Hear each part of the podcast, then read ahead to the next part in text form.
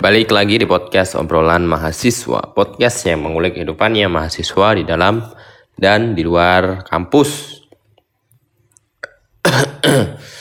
Uh, Di apa istilah masih dalam rangka bulan syawal Di setelah Hari Raya Idul Fitri Di momen yang fitri kita sudah bermaaf-maafan satu sama lain.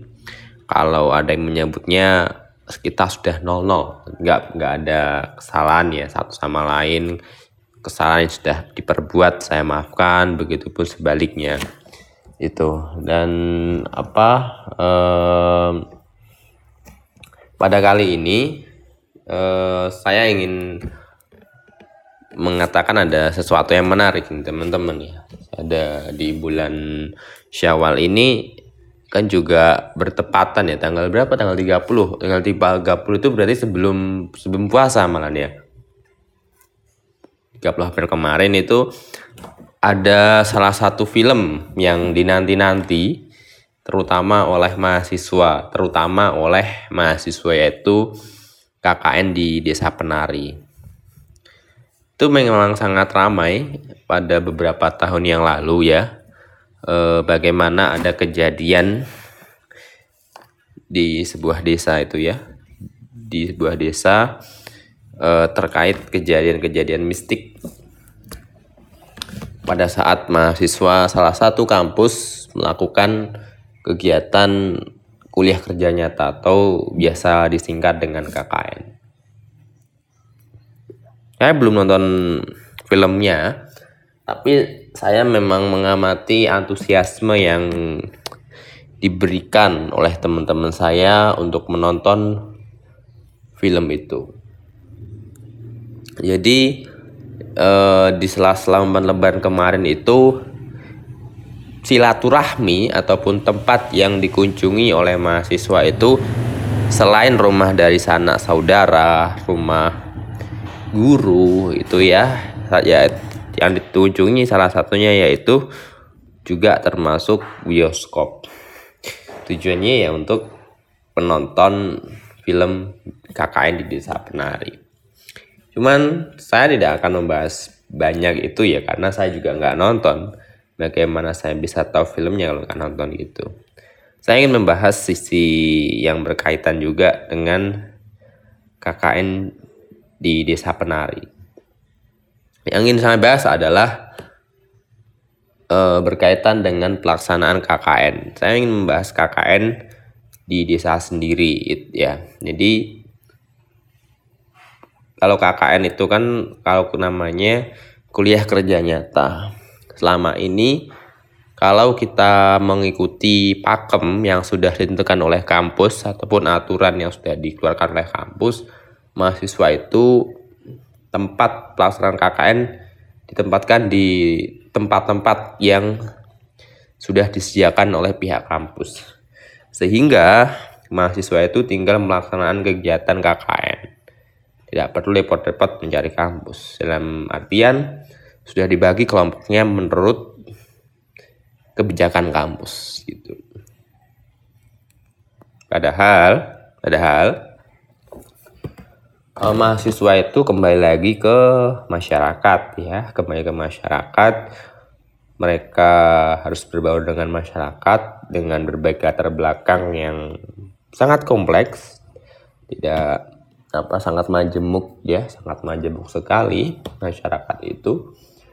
Mahasiswa dituntut untuk bisa berkontribusi mengabdikan diri di dalam situ. Sebenarnya saya tuh kan mengkritik ya kebijakan KKN ketika tidak ditempatkan di desa sendiri artinya di daerah lain. Misal di misal kuliahnya di Universitas Airlangga Surabaya ya. Mahasiswa itu rumahnya itu Madiun Madiun Jawa Timur. Pada saat KKN ya kampus menempatkan di Jember.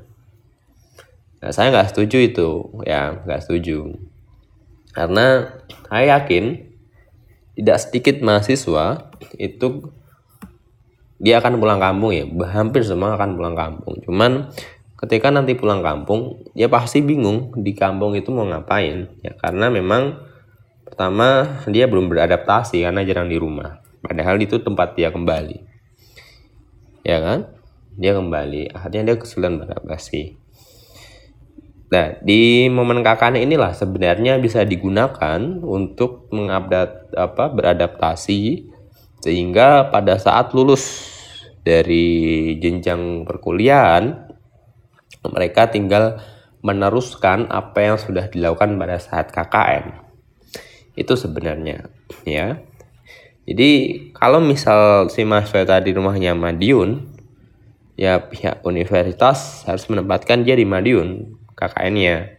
Kalaupun tidak di desa sendiri, minimal di desa tetangga. Kenapa demikian? Ya karena dia akan kembali ke situ, dia akan kembali ke daerahnya masing-masing. Kemudian dia harus bisa beradaptasi dengan masyarakat. Berbeda daerah itu sudah berbeda budayanya, budayanya sudah berbeda. Sehingga pada saat pulang dia sudah pernah beradaptasi di desanya masing-masing. Persoalannya kan memang pada saat mahasiswanya itu kan berasal dari daerah yang sangat beragam dan untuk mencari partner dari satu desa itu memang sangat sulit. Itu tadi solusi minimal desa terdekat bisa di, dilaksanakan ataupun di daerah yang berdekatan yang punya budaya sama. Karena selama ini KKN itu hanya menjadi proses formalitas menurut saya hanya proses formalitas yang penting laporan kita selesaikan. Kemudian apa ada kegiatan yang dilaksanakan ya sudah itu beres. Padahal saya menganggap harusnya KKN itu bisa dijadikan gerbang awal mahasiswa pada saat lulus dia sudah bisa hidup ya hidup berdampingan membaur dengan masyarakat karena nggak selamanya kan dia duduk di perguruan tinggi dia pasti akan kembali ke rumah. Dan di rumah inilah harus bisa menjadi eh, apa harus bisa menjadi corong untuk perubahan di masyarakat. Bukan hanya mengikut apalagi apatis di masyarakat. Yang ini sangat berbahaya apabila sampai terjadi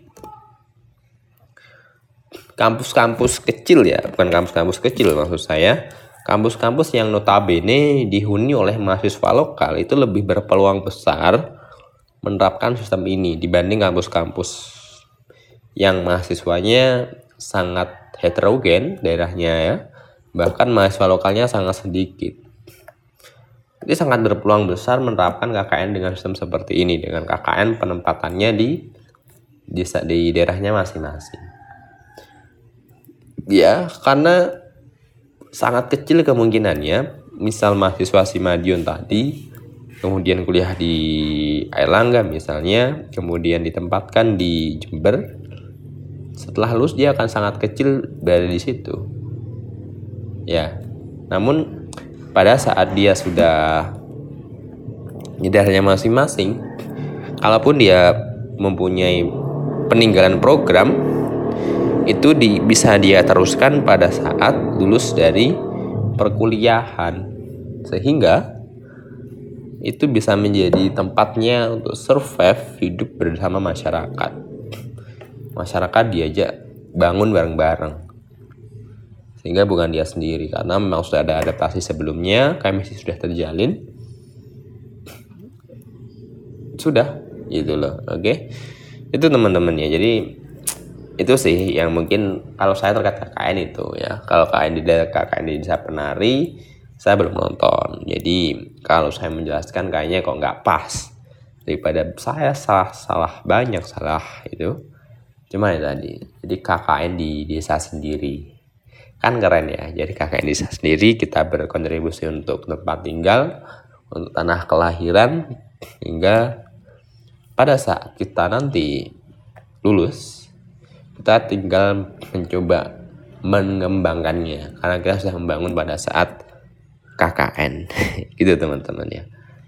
Mungkin itu ya. Uh, jadi selama sekali ya saya nggak ada podcast yang ini tentang mengeknya ini tentang mengek dalam artian saya ngoceh ya ngoceh. Uh, faizin yang sebelumnya. Oke sampai jumpa di episode selanjutnya. And see ya